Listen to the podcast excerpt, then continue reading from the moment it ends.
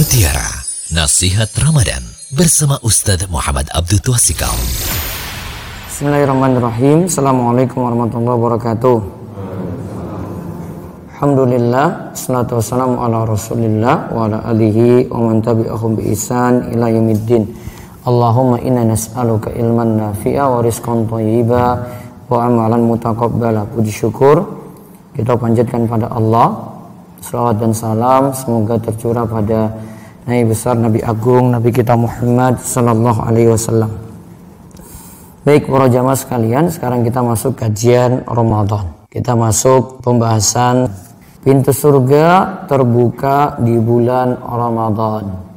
Disebutkan dalam hadis dari Abu Hurairah radhiyallahu anhu, Rasulullah Sallallahu Alaihi Wasallam bersabda, Idza jaa Ramadhanu futihat abwabul jannah wa guliqat abwabun nar wa sufidati syayatin. Apabila Ramadan tiba, pintu surga dibuka, pintu neraka ditutup dan setan diikat atau dibelenggu. Dalam lafaz lain disebutkan idza kana Ramadan futihat abwabur rahmah wa guliqat abwabu jahannam wasul syayatin. Jika masuk bulan Ramadan, pintu-pintu rahmat dibuka, pintu-pintu jahanam ditutup, setan-setan pun diikat dengan rantai.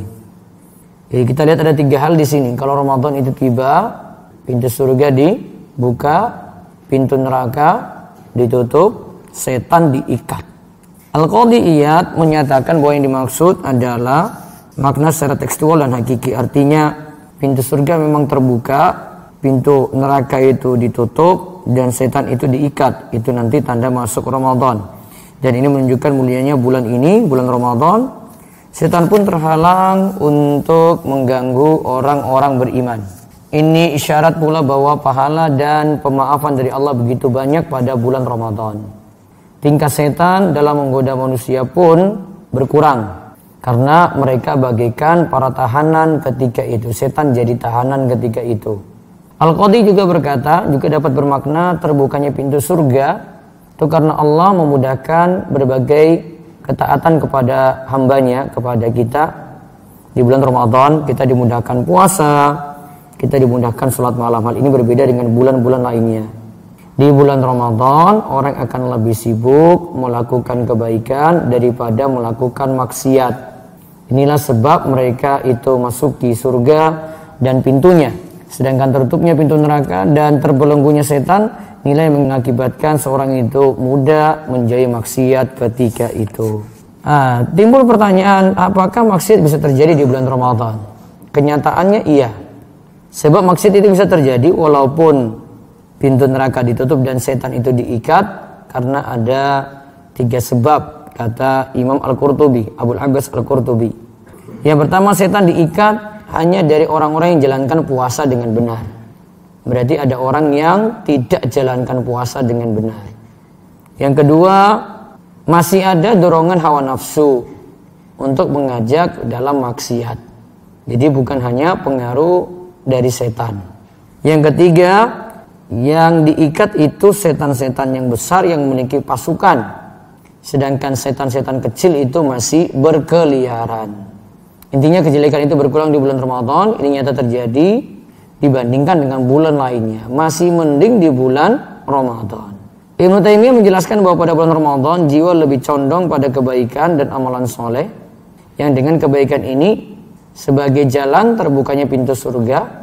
Begitu pula kejelekan pun berkurang ketika itu yang akibatnya pintu neraka itu tertutup kelak.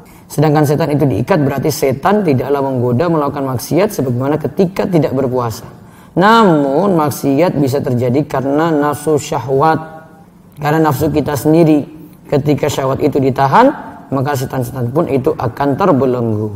Nah, karena terbuka lebarnya pintu kebaikan, pintu surga, pahala kebaikan itu ingat akan dilipat gandakan. Jadi pahala kita di bulan Ramadan itu jadi berlipat-lipat ada ulama guru-guru dari Abu Bakar bin Maryam itu pernah mengatakan jika tiba bulan Ramadan bersemangatlah untuk bersedekah karena bersedekah di bulan tersebut lebih berlipat pahalanya seperti sedekah di jalan Allah Dan juga pahala bacaan tasbih subhanallah lebih afdol dari seribu bacaan tasbih di bulan lainnya.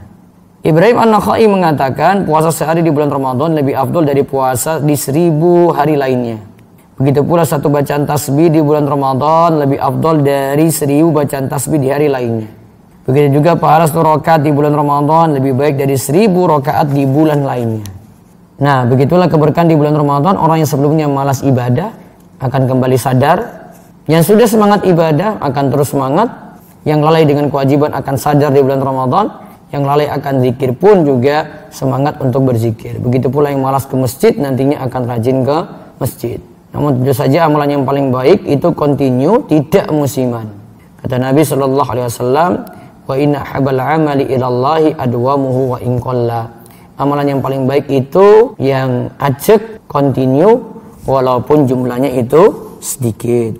Amalan yang paling bagus itu yang aceh continue walaupun jumlahnya itu sedikit. Wallahu a'lam bisawab mungkin-mungkin jadi ilmu yang manfaat. Demikian kita cukupkan. Tetap dengan doa kafaratul majlis. Monggo. Subhanakallahumma bihamdika asyhadu an la ilaha illa anta astaghfiruka wa atubu ilaik. Assalamualaikum warahmatullahi wabarakatuh. Demikian mutiara nasihat Ramadan bersama Ustaz Muhammad Abdul Tuasikal